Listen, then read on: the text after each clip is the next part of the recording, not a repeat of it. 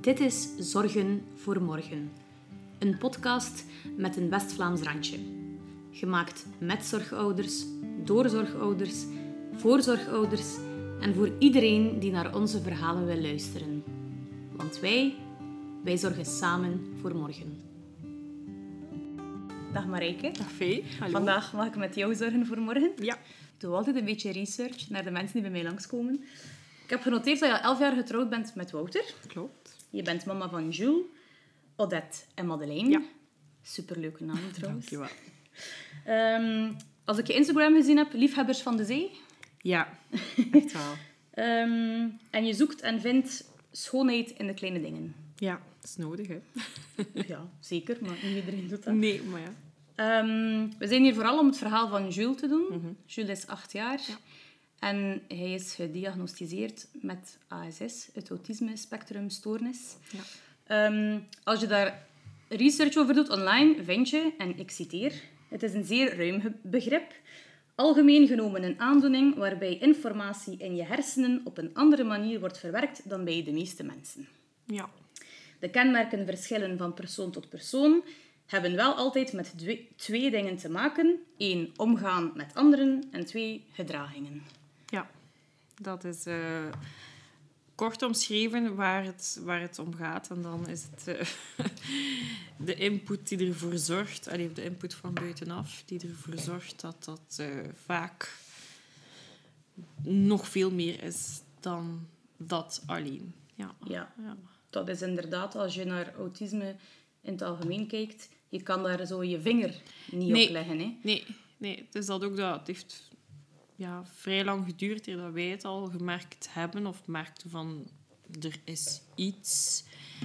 Maar ja, wij konden daar ook onze vinger niet, niet op leggen. En dan, ja. Nu, wanneer is het moment dat je begon te voelen van... "Ga, we denken dat er iets anders is met Jules dan tussen aanhalingstekens een doorsnee kind. Goh, ehm, ik denk het eerste was zo rond het derde kleuterklasje. En dat wij merkten dat hij ja, begon, wij noemen dat trampelen. Zo, Trampelen? Ja, zo fladderen en zo al huppelend. Maar je kan dat niet echt nadoen. En hij deed dat vaak, ja, na het school. ehm, om zo gelijk een beetje te ontaarden. Maar gaandeweg, ja, als er plots dingen veranderden, dan kon hij daar heel fel op reageren. Echt extreem fel. Maar anderzijds, als je hem dan vroeg, maar waarom ben je dan kwaad of, of waarom ben je verdrietig, dan blokkeerde die. Die begon te lachen, die begon nerveus te worden, die kon, die kon dat niet, niet vertellen. En dan dacht ik eerst aan, aan hoogsensitiviteit. Ehm, en dan zijn we zo bij de kinderpsychologen terechtgekomen. En na vijf sessies ehm, vertelde zij ons van ik heb een zwaar vermoeden dat hij autisme heeft. En dat was eh, ja, een beetje een donderslag bij heldere hemel. Ja. ja, als je eerst denkt aan hoogsensitiviteit en dan Ja. verwacht je daar waarschijnlijk ook niet Ja, aan, nee, dat was echt... eh, ik, ja, ik zie dat moment eigenlijk nog altijd... Ik ben echt instant in tranen uitgebarsten. Ehm, en zeker ook als je dan de puzzel samenlegt, had het eigenlijk vroeger wel al kunnen gediagnosteerd zijn. Eh, omdat hij, zo- hij was zes maanden en opeens stopte hij met stoelgang maken. En dat was niet van twee of drie dagen, maar dat was zes, zeven dagen geen stoelgang maken. En dat had ook ergens te maken met het feit van die controle niet willen loslaten. Zo vroeg Ja, ja. kan dat al. Ja, dan. ja. Ehm, en dan ja, bij kinderartsen die zeiden van ja, dat groeit daar wel uit. Uiteindelijk naar het UZ, bij verschillende proffen geweest. En ja, die medicatie en, en dat onderzoek. Maar dat bleef maar gaan. En dan is dat, dat echt gaandeweg terug moeten opbouwen. Want naar het toilet gaan, dat was zo'n angst geworden. Ehm, en eigenlijk, als je zo al die puzzelstukjes dan bij elkaar legt, hadden ze niet altijd naar, de een- naar het ene probleem gekeken, maar naar het grotere geheel. Dan hadden ze dat misschien al vroeger kunnen ja, diagnosticeren, ik zal het zo zeggen. Ja, ja. Ehm, En is dat enkel omdat je zegt van, hé, als ik nu terugdenk, nu dat ik die diagnose heb, zijn er buiten dat van die stoelgang nog dingen waaraan dat je denkt van, ah ja, dat waren misschien ook kleine dingen? Ja, hij was 18 maanden voordat hij begin, of begon met lopen. En hij was maar 16 maanden als hij pas begon te kruipen. Maar ja, dat is uw eerste kind. En ik had zoiets van, dat kind is gelukkig. En wij zetten hem daar. En, oh ja, dat is oké. Ja, voilà. Hij was ook... Als hij at, dat was echt wel een goede eter. En zo vrij vaak onverzadigbaar. Blijkbaar zijn dat ook allemaal kleine dingen die wel kunnen te maken hebben met eh, autisme. Maar ja, dat, dat was mijn eerste kind. Dus ja, ik wist ook van niet beter. En ik ben ook nooit de moeder geweest die zich zo nogal... Ja, Overbezorgd. overbezorgd. Nee, ik, ik ja, Je wou geen helikopterouder Nee, zijn. nee, nee dat, dat- ik vond dat ook niet nodig. Ehm, maar ja, misschien... ah Ja, het is, het is Oti en Zoti, zeggen wij dan. Maar ja... Goh ja, zo het... Had ik het eerder geweten, Ja. moet je ergens ook wel loslaten op een bepaald moment. Ja, voor hem bij, bij, naar begeleiding toe en zo had hij vroeger gediagnosticeerd geweest in de kleuterklas nog. Dan had het sneller kunnen getest worden. En dan was de begeleiding ook al iets vroeger kunnen starten. Nu heeft dat eh, ja, aangesleept. Ja. En denk je, we gaan het daar zeker straks nog over hebben, maar denk je dat dat impact zou gehad hebben mocht hij die diagnose eerder gekregen hebben? Zou dat beter geweest zijn, denk je? Goh, ik weet het niet. Goh, dat is nu de eerste keer dat die vraag gesteld wordt. Ehm, ik weet het niet. Het, is... ja, het zou anders geweest zijn, sowieso, omdat je dan... Hij is kleiner en eh, ik kon dan misschien ook nog net iets meer groeien in bepaalde zaken. Maar het is en blijft een, een mentale beperking. Hè? Dus echt veel aan veranderen gingen we daar nooit... En zullen we daar ook nooit kunnen aan doen. Dus op dat vlak denk ik, oh, misschien niet. En misschien ging ik mij toen nog veel meer zorgen gemaakt hebben, maar dat ik het nu niet heb gedaan in die periode. Ja. Nu, je zei van, hé, we zijn naar een kinderpsycholoog geweest, ehm, omdat we een vermoeden hadden van hoogsensitiviteit. Is het dan ook die, omdat je zei van, de kinderpsycholoog zegt van, ik heb een vermoeden van autisme, maar ik vermoed niet dat het diagnosticeren van autisme zo vlotjes en simpel gaat als ik denk dat het dat is. Want je moet toch het label krijgen om hulp te Ja, krijgen. hè? ja sowieso. Ehm, ja, zij zei dat. En dan heeft dat ja, toch nog een jaar wachtlijsten en zo geweest. Voor... Een jaar wachtlijst om... Om gewoon al getest te worden. Want wie test? Ehm, de kinderpsychologe mag geen officiële diagnose geven. Zij mag een vermoeden hebben van, eh, maar het label komt niet van haar. Eh, het enige voordeel dat wij hadden was dat dat iemand was die in haar vorige carrière met heel veel kinderen met autisme gewerkt heeft. Eh, maar ja, dan moet je naar zo'n revalidatiecentra gaan. En daar wordt er getest door kinderneurologen, logopedisten, ergotherapeuten, eh, kinderpsychiaters.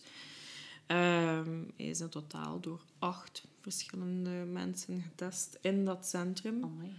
Ja, Over En een periode van... over een periode van drie weken. Dus dat is ja, Wel vrij intensief vrij voor dat intensief. Ja, ja, ja. Eh, dat was ook vrij heftig. Ehm, en dan pas komt er een diagnose en enkel ja, neuropsychiaters, neurologen en dergelijke mogen de officiële diagnose geven.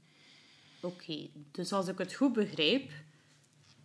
Kinderpsycholoog zegt, ik heb een vermoeden van autisme. Jullie komen op een wachtlijst. Ja. Je wacht een jaar. Ja, Dan pas word je getest. En dan pas krijg je het label van... Effectief, jullie zoon heeft autisme. ja, Ik weet ook, door een gesprek met een andere mama te, gehad te hebben, in dat jaar dat je geen autisme, allee, dat je het Ja. labeltje autisme niet gekregen hebt, dat je daar een jaar, maar zoek het uit. Hè. ja. Hoe, hebben, hoe hebben jullie dat ervaren? Want je weet een jaar aan een stuk, mijn kind heeft autisme, Ja. heeft hulp nodig, maar hij krijgt die hulp niet, omdat het niet officieel op papier staat dat hij autisme heeft. Ja, Toch? dat, dat was... Ja, je staat met je rug tegen de muur. Ik weet wel, wij hebben in februari... Dus van de kinderpsychologen, dus niet voor het schooljaar, maar het schooljaar daarvoor. Dus ze zei dat dan. En ik heb eigenlijk de dag daarna gebeld naar school van... Kijk, dit is wat de kinderpsychologe ons zegt. Wij, staan op, allee, of wij zullen op wachtlijsten staan, maar ik wil wel dat er ondertussen al CLB wordt ingeschakeld. De school stond daar niet voor te springen. Ik ging net zeggen, hebben ze jullie opgevangen of niet? Mm, ja, omdat het moet. Ze kunnen niet anders, hè, met het MD-kreet en, en... Kunnen ze niet anders, maar staan ze daarvoor te springen? Nee. Of ze stonden daar niet voor te springen. Ik weet dat wij dan um, twee, drie weken daarna, begin maart, naar school geweest zijn. En dat de schooldirecteur zelfs niet de moeite heeft gedaan om bij dat gesprek aanwezig te zijn. Hij kwam letterlijk zeggen van... Ik loop hier rond, ik hoor het wel. En je moet weten, dat is een, een gemeenteschool. Wij wonen in een kleine gemeente, daar zitten misschien honderd kinderen op school. Nou ja, het is niet dat je in zo'n groot stedelijk onderwijs zit met honderden nee, kinderen. Nee, nee, absoluut niet. Ehm, ja, en dan was dat een gesprek met CLB erbij. En, en wat kunnen we doen? Um, nu had het voordeel tussen aanhalingstekens dat er nog een kindje zat in zijn klas die al ondersteuning kreeg van het SIM-team, dus van het buitengewoon onderwijs, die dan één of twee uurtjes in de week naar de klas komen. Dus eigenlijk kon hij daarop mee surfen. Dus ging hij mee al met dat jongetje. Maar het school moest dan wel de officiële aanvraag doen, ook bij het CLB. En wij zijn in maart geweest en ik vroeg in juni van, is die aanvraag al gebeurd? Ah ja, nee, we moeten dat nog doen. Maar ik hoor het juist dat je zegt 1 à 2 uur per week. Ja, lesuurtjes kreeg hij mee op de kap van een ander kind die wel al toegestaan was. Dus voor zichzelf was dat nog niet ja, in orde. Ik ben gewoon aan het denken in mijn hoofd, 1 à 2 uur op een week, dat is zo weinig precies. Ja, ja maar dat is ook niet meer dan dat. Ah, ja. nee. En wat gebeurt er dan in die 1 à 2 uur? Dat is vooral op socio-emotionele vaardigheden dat Ah, er ja. wordt gewerkt. En ook om leren om te denken, omdat dat heel moeilijk is bij kinderen met autisme of bij personen met autisme. Ehm, dus in juni was de aanvraag nog niet gebeurd. En dan ben ik ja, eind juni nog eens gaan vragen. Ze was nog niet gebeurd van de school. In september heb ik dan nog eens gevraagd van, kijk, hoe zit het met CLB? Ah ja, we moeten dat nog doen. Maar ik dacht, wij zijn hier in maart geweest. Hallo, we zijn een half jaar verder. En in oktober was het mijn buur en heb ik zelf gebeld naar het CLB en zij wisten daar nog altijd van niets. Dat is wel heel erg. Dat je Ja. dan als ouder denkt, ze gaan dat stukje van mij overnemen. Maar dat werd dan niet gedaan. Want dat stond hier ook op mijn blaadje. Bij wie kon je terecht? Als ik het goed begrijp, bij niet zoveel mensen. Nee. Nee, toch niet wat officiële instanties betreft. Ah, ja, want hij heeft het labelke autisme toen nog, Nog niet niet, gekregen. Nee, sinds ja, dit schooljaar pas, sinds april pas. Dus hij is acht jaar, heeft het derde leerjaar. En nu pas, Ja. eigenlijk van halverwege het tweede leerjaar, cru gezegd, heeft hij officieel de stempel gekregen en kan halfweg eerste leerjaar. Hè? Dus halfweg het eerste leerjaar kreeg hij van de kinderpsychologe de ja, Ah, ja, het vermoeden. Ja, En dan halfweg het tweede leerjaar is wel de bevestiging Ja. gekomen van oké, het is zo. Vanaf nu heb je pas recht op hulp. ah ja, nee, vanaf het derde leerjaar pas, want schooljaar was al gedaan. Dus de uren van CLB Ah, waren al verdeeld. Oké. dus laat ons het zo stellen, vanaf halverwege had hij er recht op, maar voordat het Ja. in orde was, is pas nu dit schooljaar vanaf september. Oké. Ja, en dan spreken we van een half uurtje per week bij. Een half uur, dus hij heeft twee uur en een half dan. Ja, het is zelfs het is een, een, een uur en, en een kwart met twee. Mhm. En dan een half uurtje ehm, Enkel voor hem. dan. enkel voor hem. Ja, want ehm, hij gaat inderdaad dus naar het regulier onderwijs nog. Is dat voor jullie belangrijk dat hij kan zo lang mogelijk meelopen in dat regulier onderwijs? Of hebben jullie al zoiets van, wij weten wel dat ooit een overstap nodig gaat zijn? In ons hoofd zit dat wel. Ja, wij weten dat het, eh, ik denk vooral voor hem, deugd zal doen. Of ooit meer deugd zal doen dan eh, het reguliere onderwijs. Ehm, maar in onszelfde hoofd zijn we daar nog niet klaar voor om die, die stap te zetten. Ik ben al heel ver gevorderd en, en Wouter ook, mijn man ook. maar dat is echt eh, een, een, een grote stap. Ook omdat het, er zijn geen type 9 scholen bij ons in de buurt. Dus wij zouden al moeten gaan Gent en kanten, dat wil zeggen internaat. En ik weet hoe heftig de afscheidsmomenten soms al zijn. Gewoon bij mijn mama te gaan logeren. En hij gaat daar elke dag. En ja, ja, als ik dat dan projecteer naar een internaat, ik denk, ik denk dat ik zou zeggen op maandagochtend stapt hij in de auto terug en gaat terug moet naar huis. Ja. ja. Het is een hele overstap inderdaad. Van elke dag naar huis en dan nog een keer en naar een internaat en een OT-klas. Ja. Dus dat is wel... Ja. Maar begreep ik het al goed dat jullie zo lang mogelijk aan het regulier onderwijs willen laten meelopen? Ja. Um, ja, wat dat zijn volste recht is. Ook, ja, zolang dat, dat lukt. Zolang, en het, niet? ja, zijn voordeel is, hij is cognitief heel sterk. Hij moet ook niet studeren. Hij leest dus iets of hij bekijkt dus iets en hij weet het allemaal. Ah, het is zo eentje. Ja, het is zo ah, eentje. zo iemand die gewoon kijkt naar een blad en hoep, hij weet het. Ja, zo dat. Ehm, dus dat is zijn voordeel. Wat dat trouwens heel positief bedoelt. Ja, ja, ja. ik ben daar ook jaloers op. Maar ja, ik weet wel. Maar ja, als je zo iemand hoort zeggen, dat het is zo een, zeker niet negatief nee, nee, nee. Ik ben daar jaloers op. Ik zou dat ook willen kunnen. ja, ik ook. Maar nee, dus uh, ja... Nu zijn we wel zo'n beetje aan bezig met uh, een studiemethode. Of toch een beetje een studiehouding. Want ja, ooit denk ik van, misschien moet je ooit wel eens studeren. Ja, is dat. en nou ja, als je dat niet kunt, is het wel een probleem. Ehm, dus maar ja, hij zit in het gewoon onderwijs. En ook met zijn vrienden, hij wil daar ook niet echt weg. Hij heeft natuurlijk ook zijn, zijn vriendjes opgebouwd. Ehm, dus ja. Want hoe uit uh, autisme bij Jules zich op vandaag? Um, op school merken ze daar heel weinig van. Buiten dat hij een paar keer per dag een keer naar buiten gaat, een keer gaan trampelen. Uh, en maar dat wordt ook heel goed aanvaard in de klas. En de leerlingen zeggen daar ook niets over. Ze doen zijn kritieken van, kom naar binnen. Uh, of ze komen hem halen in de koepel, omdat hij een, een apart tafeltje heeft. Maar voorlopig op school valt dat heel goed mee. Dus vooral s'avonds, als hij dan... Ja, hij doet heel hard zijn best om binnen de lijnen te lopen. Mm ja, en, en s'avonds... Um, ja, kan ik vragen van, gaan we pyjama aandoen? En dat kan een verkeerde vraag zijn. En dat uitzicht in gigantische scheldpartijen met ja, alle mogelijke scheldwoorden van het woordenboek. Kent ondertussen allemaal. Hij durft soms ook wel fysiek zijn. Uh, er zijn momenten dat hij mij durft slaan of kloppen. Uh, bij Wouter gaat hij dat niet doen. Um, maar ja, bij mij durft hij dat wel. Er zijn dagen dat het heel goed gaat en dan zeg ik hem dat ook van... Het was een, het was een heel rustige avond. Maar als hij zo'n extreme ja, meltdown, noem ik dat dan... Mm Hij beseft dat dan meestal wel achteraf. Maar op het moment zelf, dat is heel raar. Dat is, dat is precies wat een ander kind is die uit zichzelf stapt en je raakt daar niet door. Nee. Dus eigenlijk op school doet hij zo goed mogelijk zijn best om eigenlijk volgens de, volgens, ja, de, regels... ja, inderdaad. Als ik het goed begrijp, heeft hij wel door hoe dat het verwacht wordt. En doet hij dat. En dan thuis kan hij echt wel even ontladen, maar niet op de juiste ja, manier. Ja, nee, zo'n beetje de, de safe haven thuis. Um, ik ben...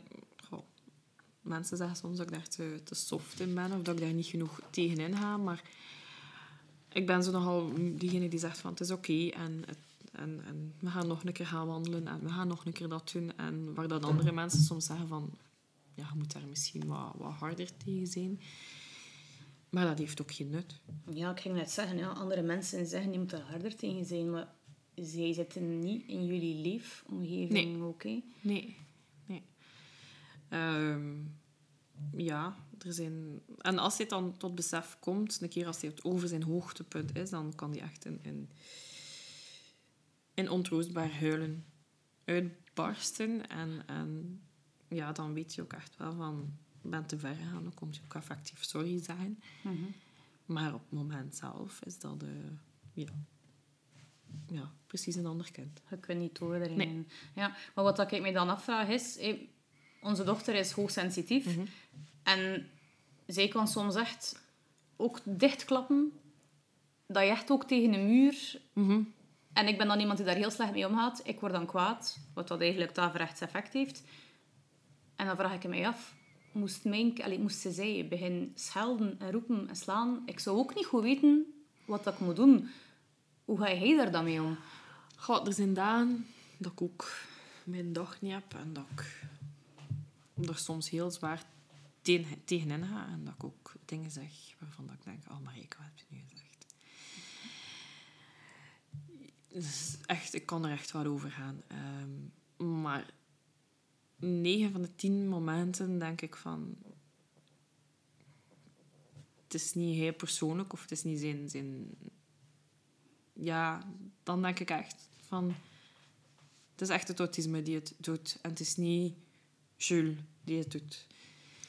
Je kunt de twee wel van elkaar Ik probeer loskoppelen. dat. Dat gaat niet altijd. Er zijn, er zijn momenten dat ik denk... Autisme. moet Ehm, u in deze podcast niet, uit, niet inhouden. Ehm, ja, en er zijn momenten dat ik echt kwaad ben op hem. Terwijl er eigenlijk niet kan aan doen. Maar ja, wij zijn ook maar mensen. En onze nummer loopt ook al een keer vol.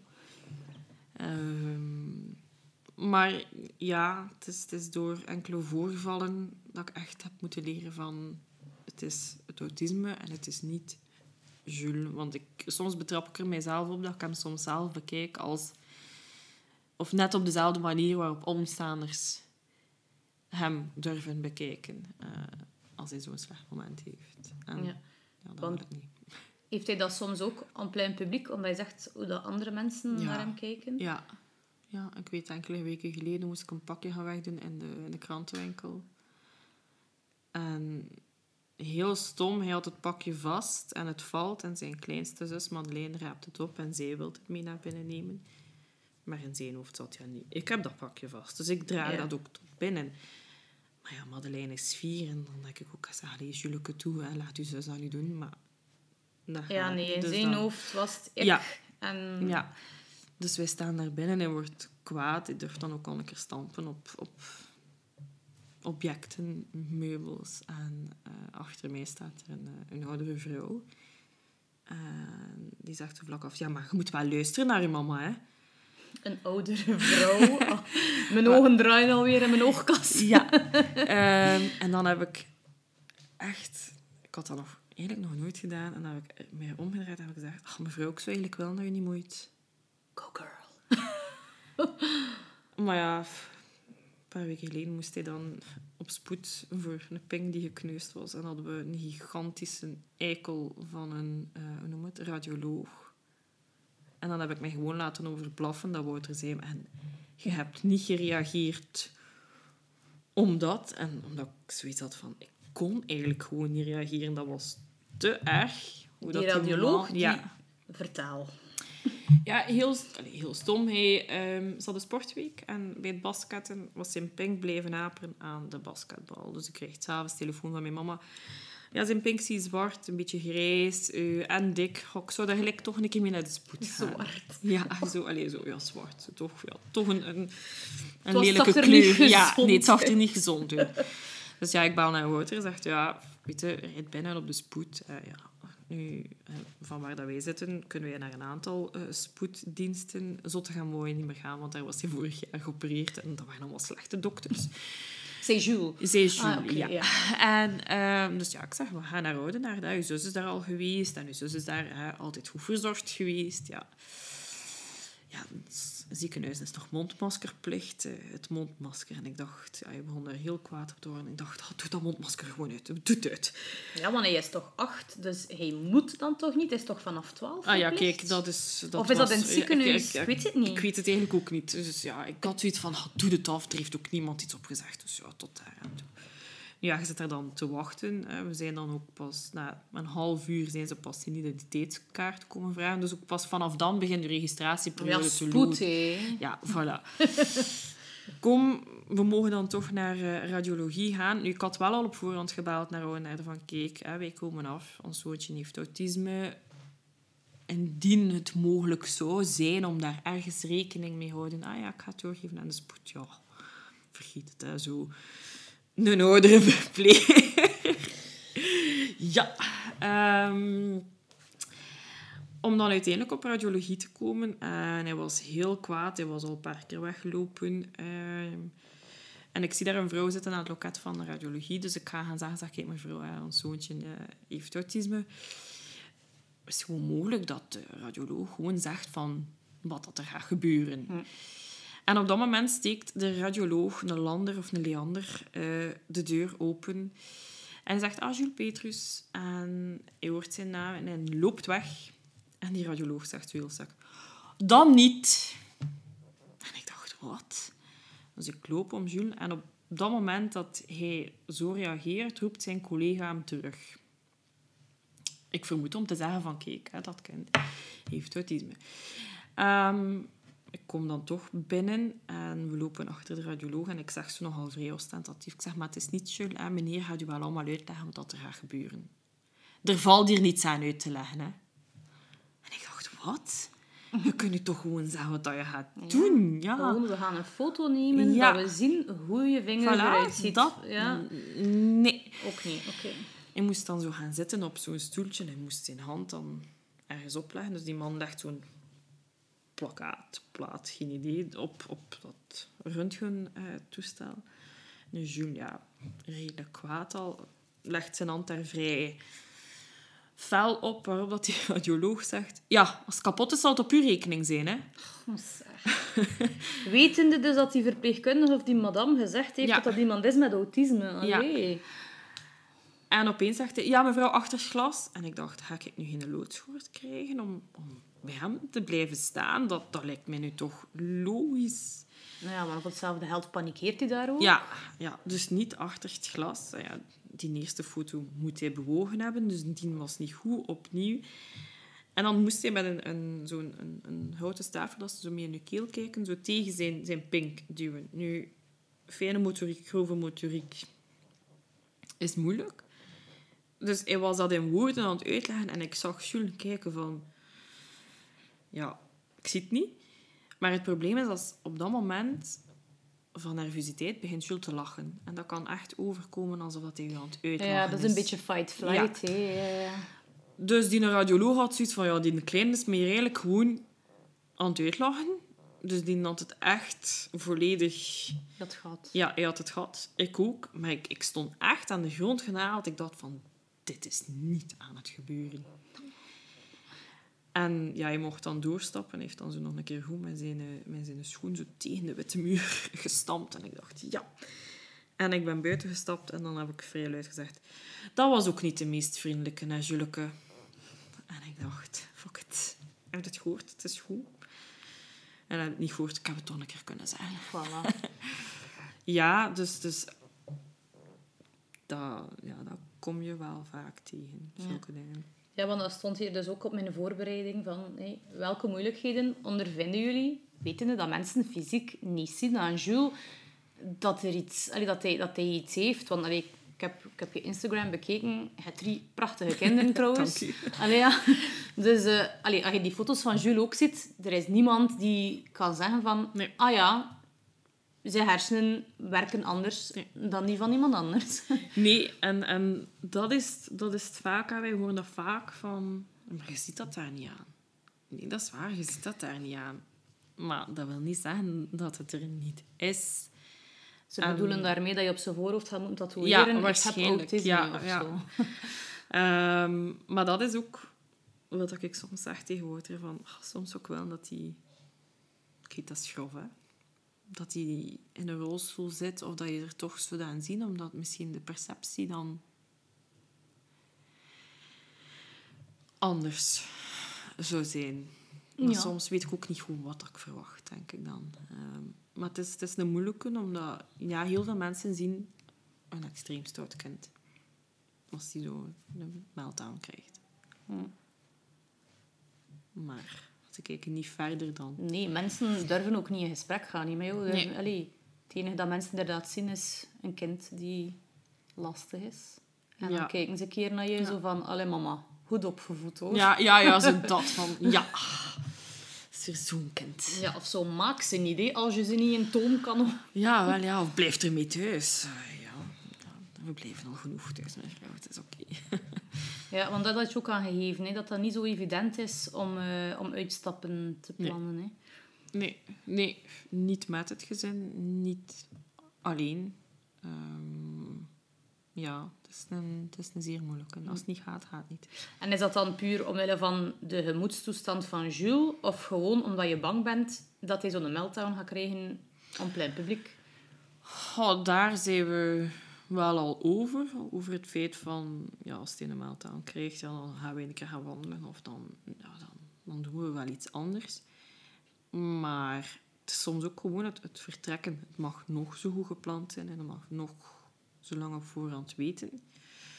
Als het zijn dag niet is, is het zijn dag niet. En dan komt hij soms letterlijk niet over de drempel. Ja, dan is het gewoon, ik blijf binnen, ik ga niet naar buiten. Ja. Ja. Oké. Ja. Dus zoiets als bijvoorbeeld een keer een dag naar een pretpark gaan? Nee, dat dat sowieso jullie- nee. Nee. Dat is voor hem... Hij heeft dat al een paar keer gedaan met de scouts.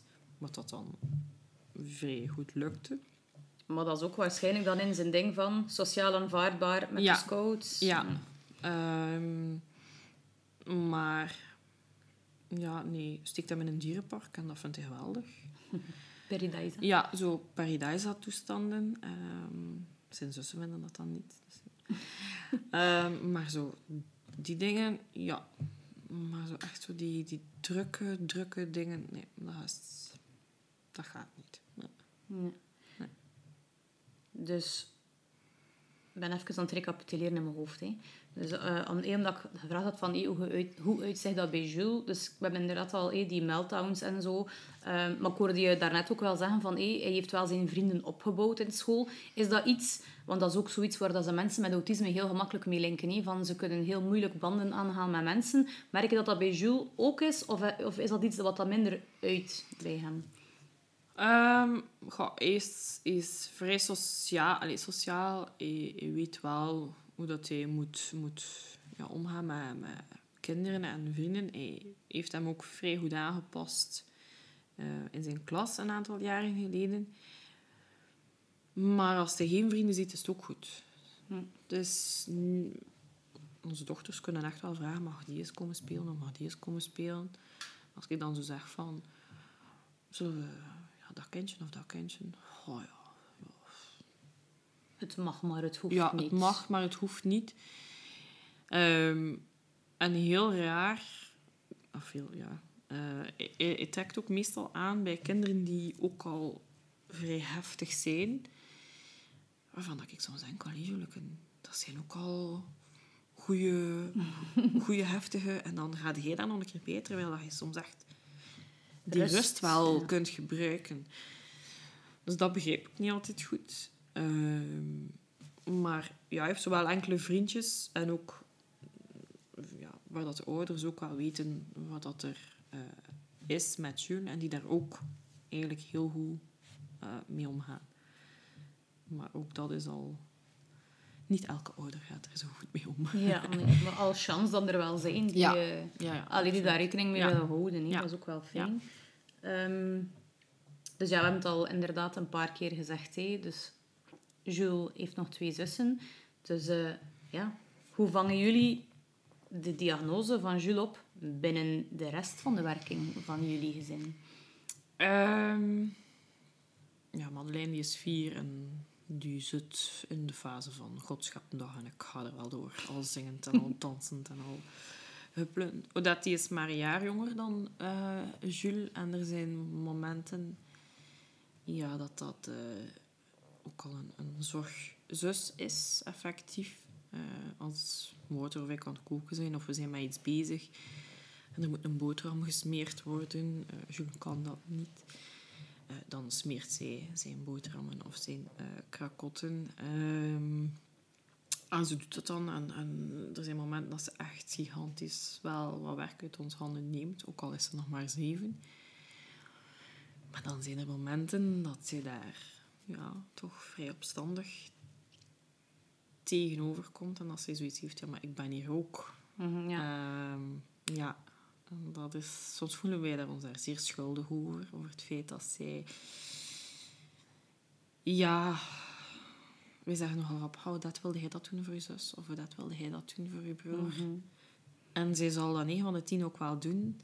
Maar dan denk ik, oh, we mogen dat niet altijd vragen aan haar. Maar ja. Ja, dus we proberen daar wel op te letten van af en toe ook een keer iets exclusief met haar te doen. Of met de meisjes apart te doen. Omdat ik ook weet dat ze daar ook echt van geniet. Ehm, maar ja, er zijn echt momenten dat ze zegt, fuck you. En ik ben hier mijn eigenste 7 going on 17 zelf, hè, met de nodige drama en... eh, Oh, ja. Heel herkenbaar. Heel herkenbaar. Eh, zo die dingen. Ehm, Het is ook een egoïstische leeftijd, hè? Ja. En dat is ook helemaal oké. ja. Ik denk dat bij ons een paar maanden geleden was zeker dat Ruby voor de eerste keer, toen was ze ook nog zeven, dat ze voor de eerste keer zei: Het is echt altijd voor mijn broer, hè. En dan, mm, dat benam me wel een beetje. Ja, ja, ja. Zij kan ook soms zeggen van... eh, ja, Jules mag hier alles en ik mag, mag nooit iets. Ah, ja, ja, ja. ja. En, en voor Jules doen jullie dat wel en voor mij niet. En ergens heeft ze... Als Jules mag hier alles, heeft ze een, een, een punt. Want als Jules zo heftig reageert, weet ik ook van... Of ja, wij weten ook van... Als we hierop ingaan, dat heeft nu geen nut. Mhm, ja. Dat dringt niet door. Dus dat lijkt inderdaad wel alsof dat we daar niet op reageren. Op, In haar wereld Ja, is dat zo, is dat Ja. zo, hè? Ja, en, en ik kan ook me voorstellen in de wereld van buitenstaanders die dat zien ook. Maar als zij dan zo reageert, ja, dan krijgt ze natuurlijk wel onder haar voeten. En dan gaat ze inderdaad gaan denken Ja. van... Ja, maar hey, Ja, dus- Jules pakt dat wel en bij mij pakt dat niet. Nee, dus ja, zo, zo gevat en zo slim eh, is ze wel. En Madeleine die durft er soms ook al een keer... eh nou, de, ja, misbruik is een groot woord, maar ze weet het ook wel een beetje uit te spelen soms. Ja, Ja, dat is het kakkernestje. ja, ja. ja. Ah, ja. Ja. ja. en ze krijgt ook alles gedaan. Hè. Dus, ja. Dus ja, ik snap dat een Dodette wel zoiets heeft van... "Oh, Allee. Ja, ja het is, het is, Ja. Het is een moeilijke. Is, eh, Dat is ook wat dat veel mensen niet zien, hè. Dat broers en zussen van zorgkinderen eigenlijk al hele jonge mantelzorgertjes Ja. zijn, hè. ja, echt wel. Echt Dat is wel. ook iets waar dat eh, heel weinig bij wordt Ja. stilgestaan. Nu, ehm je hebt het al kort eventjes gehad over je het wel of niet naar bijzonder onderwijs moeten overstappen. Maar hebben jullie nog andere angsten of bezorgdheden dat de toekomst zouden brengen, waar dat je nu al mee bezig bent? Ja, ik ben ehm, dagelijks bezig met het feit van gaat hij ooit kunnen meedraaien in de maatschappij. In de normen die de maatschappij oplegt. Ik ging juist zeggen, volgens hoe dat de maatschappij Ja. wil dat hij draait. Ja. Ja, het zal wel kunnen mee functioneren, maar ja, de norm ligt anders dan... Ja, dan, dan, ja, de norm ligt anders gewoon. ja, Ehm. Ja, wij weten ook niet, gaat hij ooit zelfstandig kunnen alleen wonen? Want ja, ik leg elke dag zijn kleren klaar. En mochten wij daar morgen eh, bij min 10 sandalen en een t-shirt en een korte broek aanleggen, Zou oké zijn. ja, is het ook aandoen en zou het ook niet bij stilstaan. Ehm, en, en ja, dat zijn zo dingen, wij proberen dat wel aan te leren, maar wij hebben ook niet die kennis om dat te gaan aanleren bij hem. En ook, hij aanvaardt dat ook niet altijd bij ons. Maar zo, ja, het, het meedraaien en het functioneren in een job of in de maatschappij, dat is iets wat dat mij wel, nee, en bij grotere ook echt wel bezighoudt. Ja. Ja. En dat begrijp ik ook helemaal. ja. Wat je zegt inderdaad ook, hé, Odette die smeert zijn boterham soms omdat hij dat zelf niet kan. Is dat dan iets motorisch Ja. die bij hem Ja. ook niet... Nee, dus uh, grove motoriek, ça va. hè, Want je, je voetbalt. En, en, maar fijne motoriek, ja, naar schrijven toe. Ehm, ja, boterham smeren, veters knopen, eh, knoopjes van hemdjes. Broeken met broeksknopen. eh, Zelfs ik sukkel daar soms nog mee, dus dat is niet ja, altijd even nee, gemakkelijk. Nee.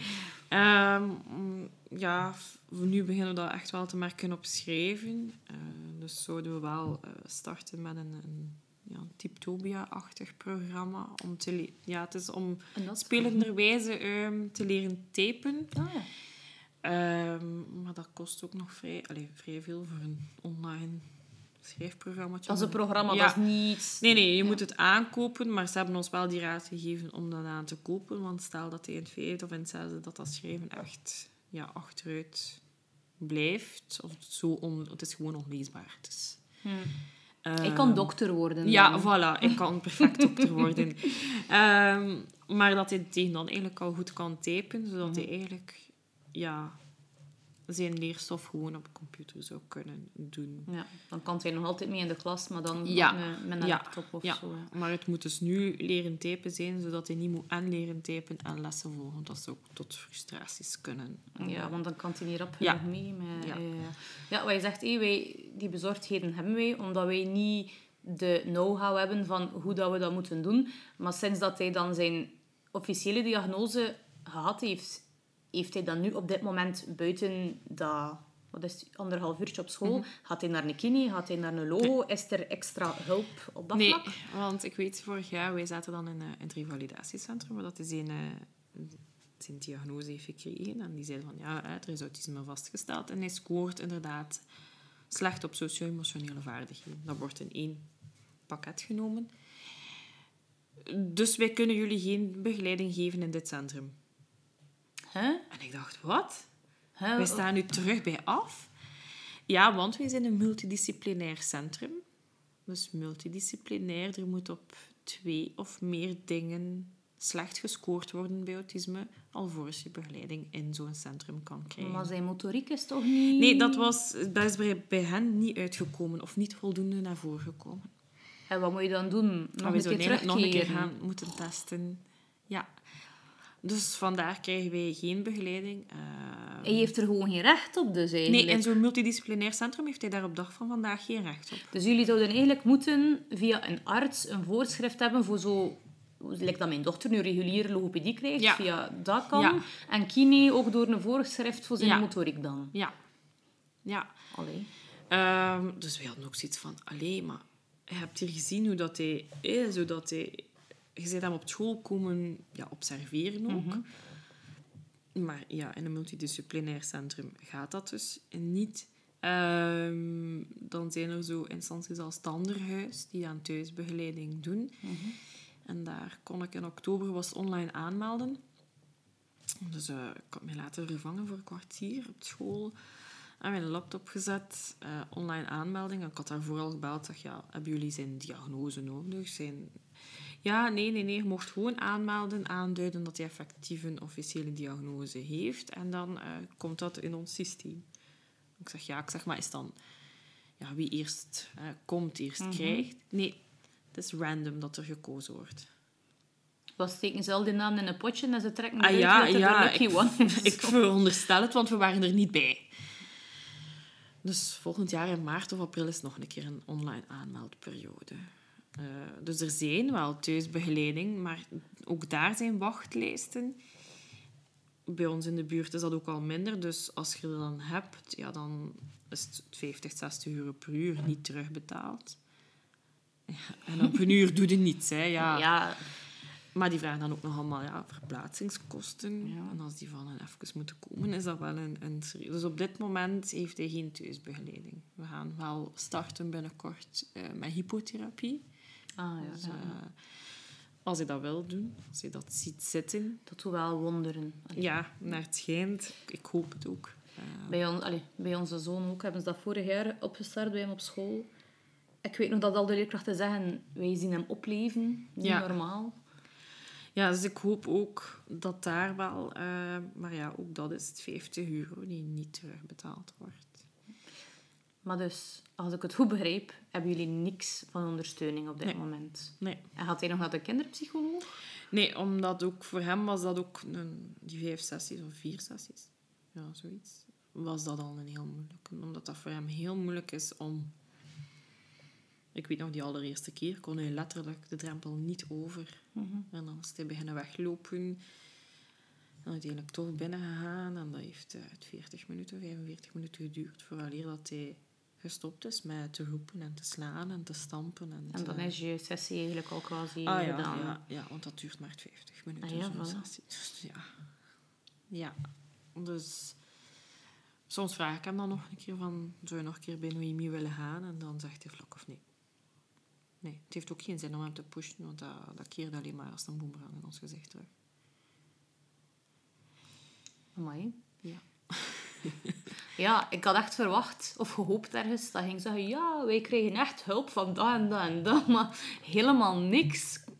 Ik ben iemand die niet, niet snel stil is, maar nu weet ik even niet wat Nee, dat moet dus, zijn. ehm, ik zeg dat vaak, en of wij kunnen dat ook vaak tegen elkaar zeggen, van heeft nu die officiële stempel. En waar dat wij eigenlijk verwachten dat er dan deuren zouden opengaan, zijn er gelijk meer deuren toegegaan dan dat er open gaan. Ja. Ehm, Want het is dat ik dacht in het begin van, hé, van ons gesprek, ja, je hebt een jaar op je wachtlijsten staan, dus je hebt al een jaar niks. En dan heb je eindelijk die stempel. Er is nog altijd niks. nee, nee. Ook zo OT-coachen en zo, er zijn er echt nog niet veel. En ik zeg het, wij zitten ook, ja, weet je, Brakel, dat is eh, het einde van de beschaving en nog een beetje verder. Eh, dus daar, daar is ook gewoon al niet veel. Wij moeten ook al naar steden rondom. En daar zijn wel enkele multidisciplinaire centra, maar ja, daar kun je niet binnen. Ah ja, want hij Heeft heeft, maar niet genoeg Nee. problemen. Maar ik heb hier nu, hoe lang zijn wij nu aan het praten? Een uur. En dat uur heb ik al veel obstakels gehoord waar dat jullie Ja. toch niet... Ja. Ja, Dus dus, dus, ja, ik heb onlangs wel nog terug contact genomen, omdat ze van op school ook vermoeden dat er een vorm van DCD ook bij zit. Hè. Anders dan zijn ze motoriek en toestanden. Maar ik ben nog op, aan het wachten op het feit dat ze mij gaan terugbellen. Ik heb twee weken geleden gebeld. Blijven bellen. Ja, en soms denk ik dat ook, maar ja, je zit dan zelf aan het werken. En, en, Ja, maar zo, en, ja, en het is ook soms de energie die u soms ontbreekt. ontbreekt, Dat is- ja. Dat is ook mijn stokpaardje. Ik ben mama, advocaat, administratief bediende, kinesist, psycholoog, logopedist. Je zegt eigenlijk alles. Ja. Ja. Want wat missen jullie op dit moment het meest in ondersteuning?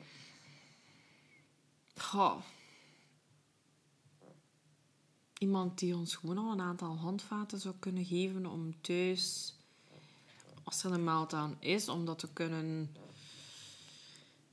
kanaliseren ergens. En, en ook naar, naar de interactie, vooral met Odette, want zij, ja, die, doordat zij maar een jaar schelen van leeftijd, kan dat soms een, een zeer heftige confrontatie zijn, ook ergens voor haar, zodat zij ook weet van hoe kan ik hier omgaan met mijn broer. Zij weet wel dat Jules autist is, eh, allee, of dat Jules autisme heeft.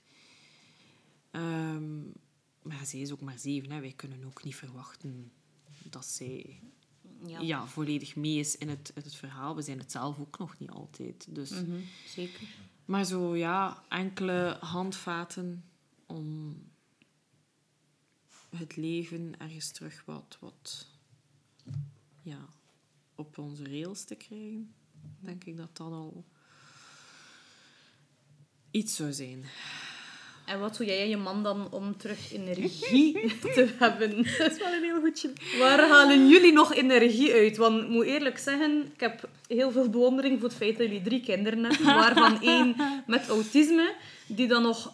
Allee, zijn gedrag is heel onvoorspelbaar, als ik het zo hoor. Dus jullie zijn daar ook heel zot in bezig. Jullie werken allebei. Dus waar halen jullie de energie uit? Plus ook de tijd voor elkaar als koppel niet uit oog te verliezen.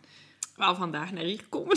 We hebben al een keer een uur en een half samen in de auto gezeten. Allee, blij dat ik heb kunnen helpen. Ja, maar dan stopt het ook. Allee, je kunt daar eh, over lachen en zeveren. Maar ehm, zo tijd voor onze tweeën. Het is eh, geleden van voor corona dat we, naar, eh, dat we naar Londen geweest zijn. Dat was een, een geweldig weekend. Maar daar kwam corona. En de brexit. En de Brexit. En nu moet je, wat is het, 7000 formulieren invullen om eh, een citytrip te doen. Dus ehm, Gewoon internationale paspoort. ja, ik weet het. Oh, dat is ook zo gedoe. Maar dat kost ook, niet meer, dat kost ook veel, zo, ja. Ja, dus ja, tijd voor onszelf. allee, gewoon voor onszelf is al moeilijk. Ehm, maar dat hebben we nu wel ingepland voor. Ze heeft eh één, twee uurtjes in de week dat hij gaat lopen op, op zondag voormiddag. En ik had eh, een uurtje sport met een vriendin. Met daarna wel nog een kavatje. Zeer belangrijk. Ehm, maar zo voor ons twee echt samen. We zijn deze zomer eh, vijf dagen naar Frankrijk kunnen gaan. Omdat ik, eh, of dat we het geluk hadden dat mijn, mijn mama en haar vriend de kinderen elk jaar al een week meenemen op vakantie. Hmm.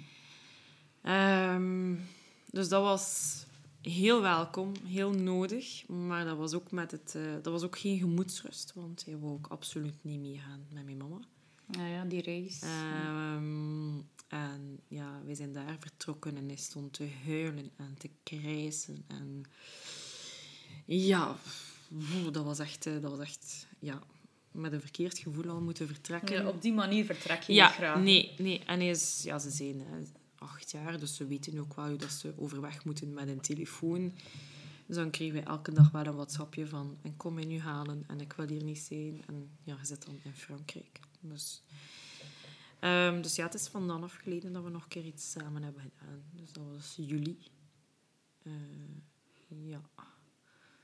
En ja, daarvoor was het ook al een jaar geleden dat we nog iets gedaan hadden. Dus het is, ja, het is, het is, je- ja, het is ook al ja, alleen maar mijn mama waar dat ze gaan bij slapen. Ja, je kunt hem ook niet zomaar bij eender Nee, nee, achterlaten. nee, en ook qua babysitten thuis, ja, dat is ook wel een moeilijke, want ja, wie kan daarmee overweg als die op dat moment een slecht moment krijgt.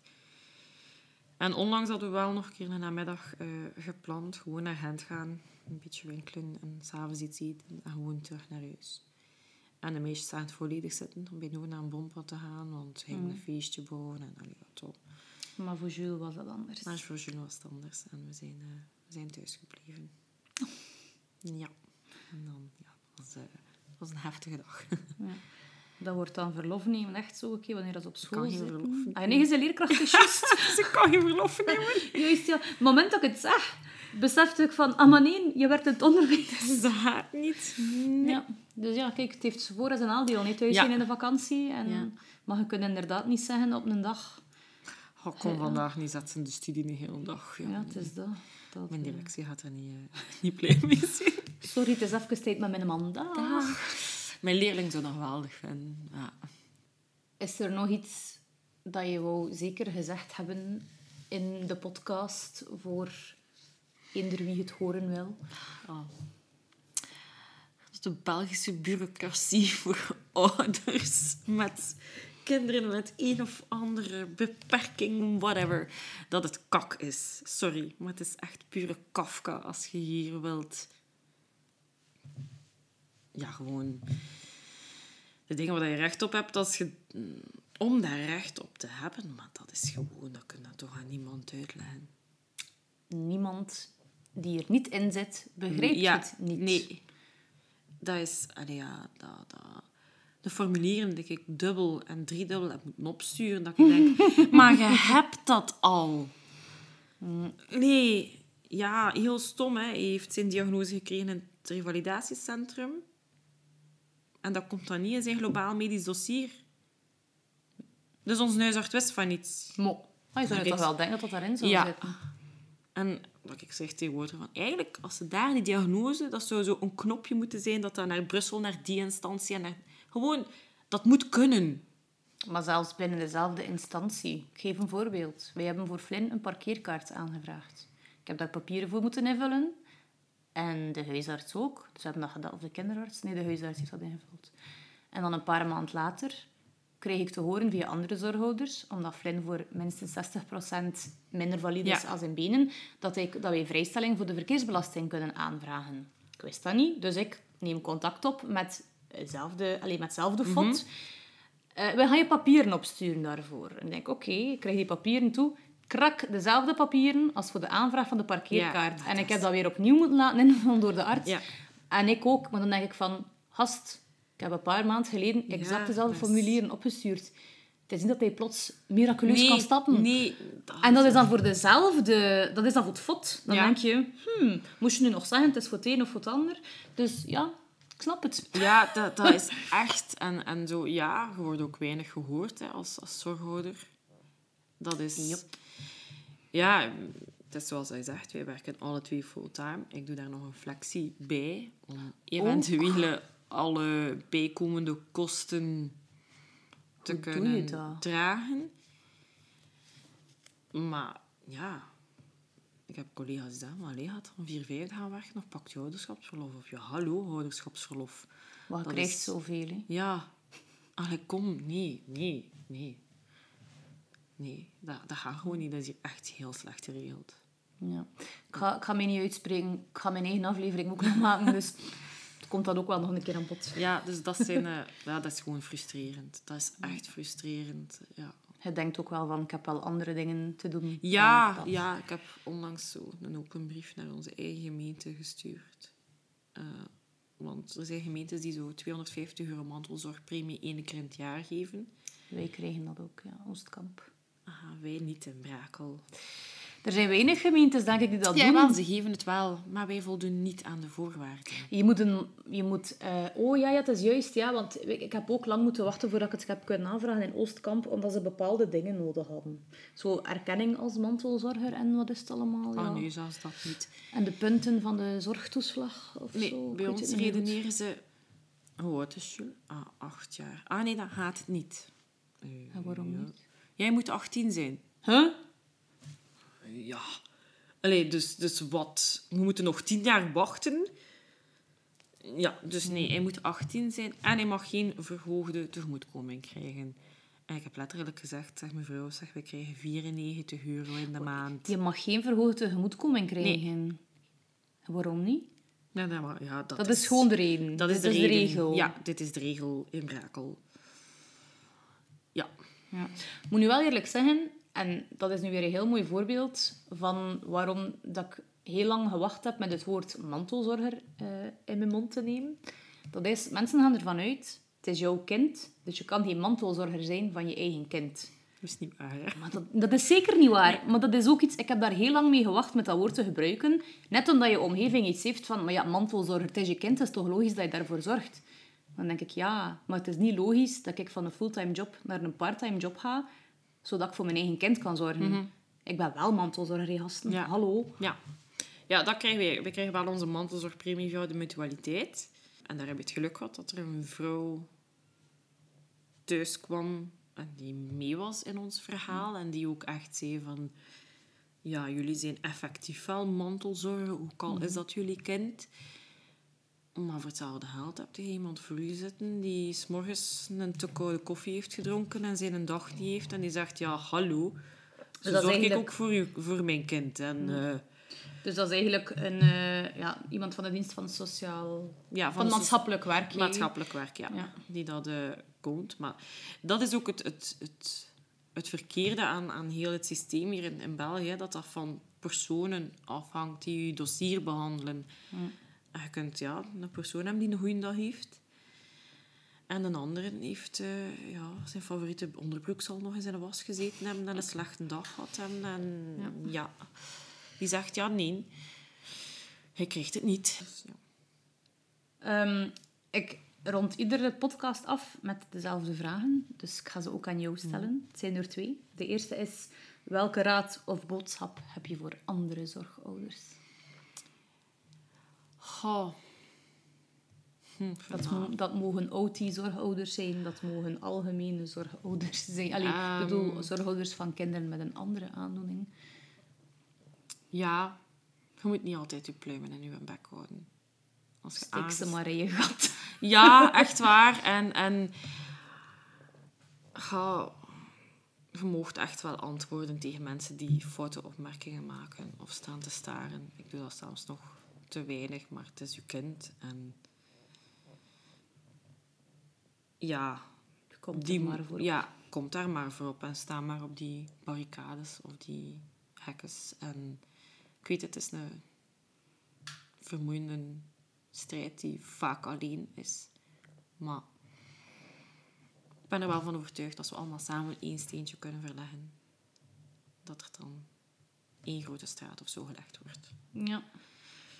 Dat is een mooie gedachte. Ja, het is nobel, hè, maar... oh. En dan mijn tweede vraag is: welke raad of boodschap heb je voor eh, familie en vrienden van zorgouders die aan de zijlijn toekijken? Ehm, erkennen dat heel veel zorgouders dingen moeten missen. En dat zij ook dat gemis van die zorgouders erkennen. Ja. Dus ik heb het maanden geleden iemand horen zeggen, zorgouder zijn, dat is Het gemis aan erkenning en erkenning van het gemis. Dat is mooi verwoord. En ja, en ook het feit van wij duwen ook, wij duwen allemaal een zware rolstoel, maar de ene ziet en de andere ziet het niet. En misschien zou het fijn zijn als je, of als je kan verder kijken dan het kind en zijn of haar gedrag of zijn of haar beperking op zich. En kijken naar het kind en zijn dichte omgeving. En niet gewoon... Allee, of verder kijken, ik zo zeggen. Ja. Jules is meer dan zijn autisme. Ja. Ik denk dat we het daarmee mooi kunnen afronden. Merci, eh Marijke, Jij ook. voor, eh, ja, om je verhaal te willen doen.